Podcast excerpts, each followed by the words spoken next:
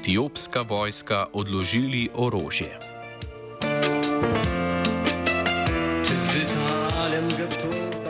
Etiopska vlada in Tigrajska ljudska osvobodilna fronta, krajše TPLF, sta po dveh letih spopadov sklenili premirje. Obe strani sta se v skupni izjavi zavezali k razorožitvi TPLF in integraciji uporniških oboroženih sil v centralno etiopsko vojsko. Vlada je napovedala vzpostavitev ustavnega reda in komunikacijskega sistema v regiji. Pogajanja med stranema so potekala pod okriljem Afriške unije v Južnji Afriki. TPLF je uporniška skupina ustanovljena leta 1975. Tedaj je nasprotovala vladavini vojaške hunte. Med letoma 1989 in 2018 pa je sodelovala v etiopski zvezdni vladi. Etiopska vojska in TPLF sta bili dve leti v vojni, v kateri je umrlo več tisoč ljudi. 800 tisoč jih je bilo iz regije primoranih pobegniti.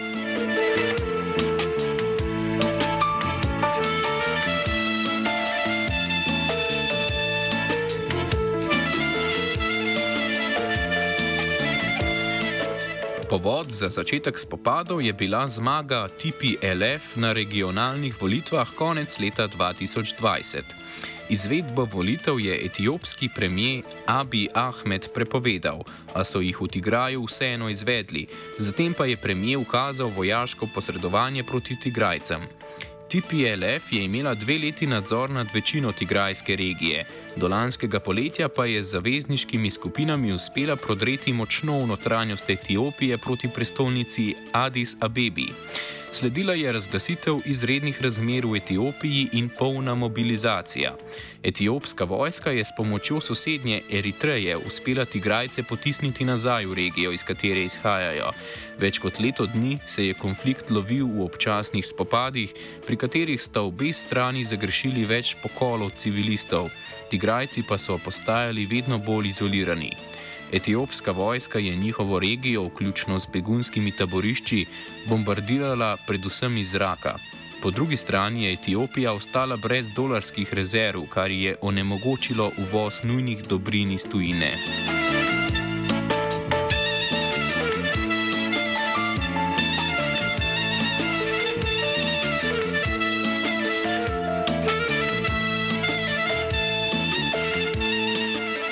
Začetku leta sta sicer strani že sklenili prekinitev ognja, a sta ga na to prekršili.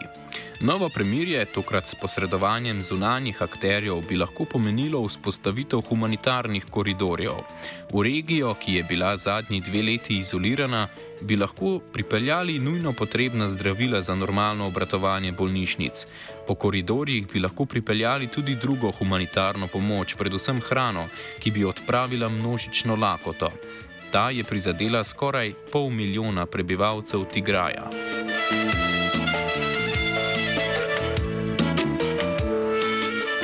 O pogajanjih, ki so privedla do prekinitve ognja in o tem, kaj sporazum pomeni, smo govorili z Martinom Platom, nekdanjim urednikom BBC-ja za področje Afrike. Well, there's been a war going on in northern Ethiopia for now for the past two years. And uh, over the last 10 days, there has been a meeting between the um, Ethiopian government and the Tigray People's Liberation Front, which uh, runs the administration of that northern region. And they've been meeting in uh, South Africa, in Pretoria.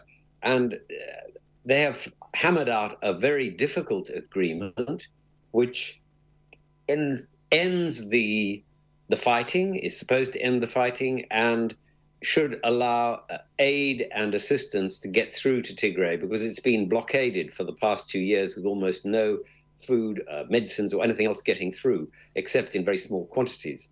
So uh, hopefully it will end the fighting and it will allow the food and assistance to get through to Tigray, where there are about six million people in the in that region. Uh, now the, the, fighting has been terrible. Uh, at, nobody knows exactly how many people have been uh, injured, but it looks as if it's something in the region of 600,000 people, making it the worst conflict in the world. Now, hopefully, this agreement will end it. Po mnenju Plauta v primeru TPLF in Etiopije ne gre za klasično obliko spopada značilnega za Afriko. Boji so bili namreč mnogo hujši. Well, it happened for a number of reasons. First of all, because the war has been not going in the in the direction of the Tigrayans.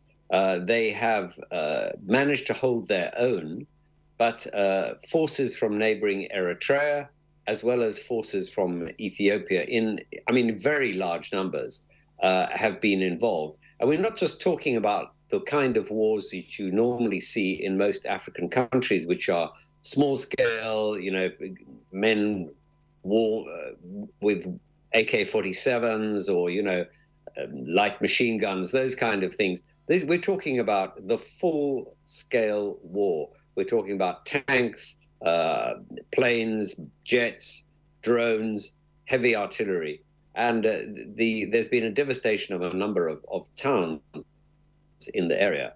And uh, although the Tigrayans held their own, they, they, were suffering very badly, and I think they just came to the decision that they had to uh, they had to end it.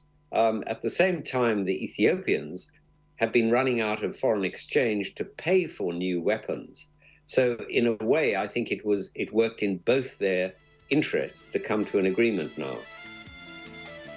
V zraku sicer ostaja vprašanje, ali se bo tigrajska stran dejansko držala dogovora o razorožitvi, kateremu se je zavezala. The Tigrayans have always used guerrilla tactics when they felt they needed to.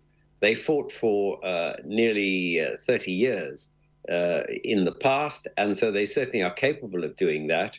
I think it's too soon to know whether this agreement will hold. It is possible that it will, uh, but you know the the difficulty is that there are there's no outside monitoring. There are only ten monitors for a huge region uh, of the uh, of the of Ethiopia, and uh, they have no peacekeepers to to back them up or anything like that.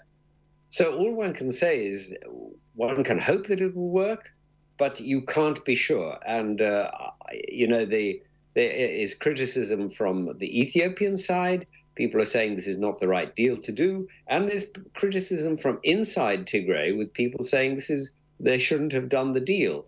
So the, it's it's difficult. We'll have to see how this happens in the next um, in the next few weeks. Več humanitarnih organizacij, med drugimi Amnesty International, je vse upletene strani obtožilo kršenja človekovih pravic.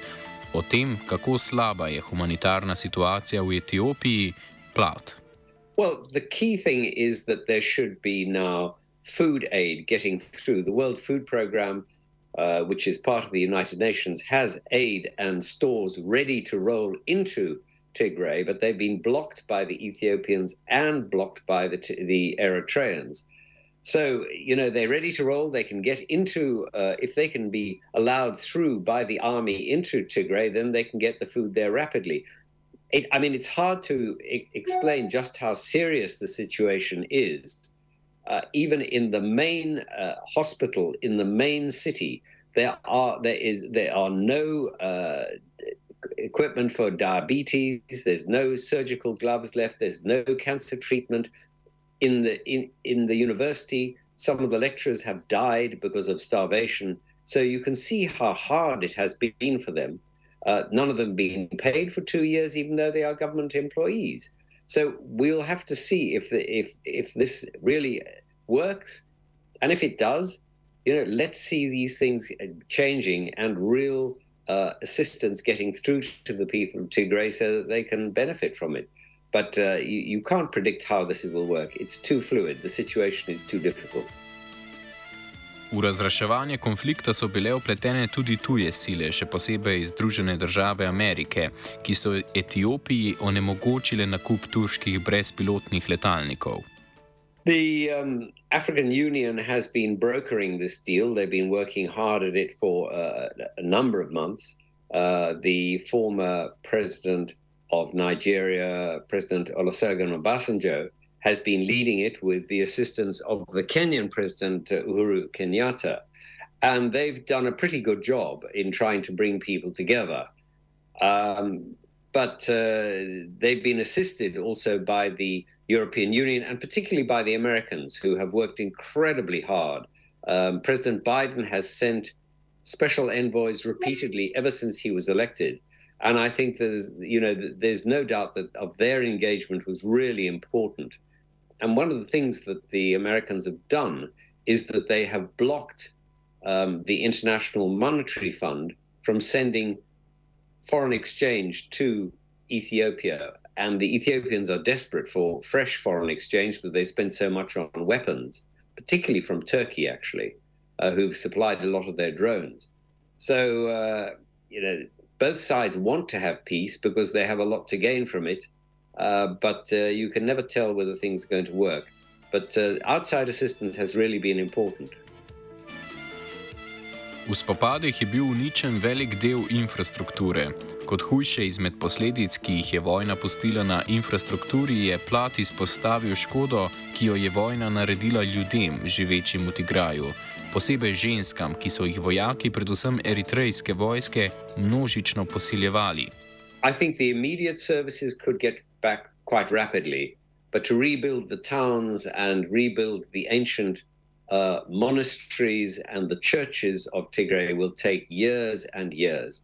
Uh, I mean, the Tigrayans had a good school system. Those schools have been devastated. The hospitals have been destroyed. Homes have been destroyed. And worst of all has been the impact on ordinary men and women, particularly women. The Eritreans and the Somalis, there were some Somali troops there as well, as well as the Ethiopians, have raped women systematically some of the things they have done to women are so horrific. They are some of the worst I've ever heard of. And I reported from Africa for the BBC for 30 years.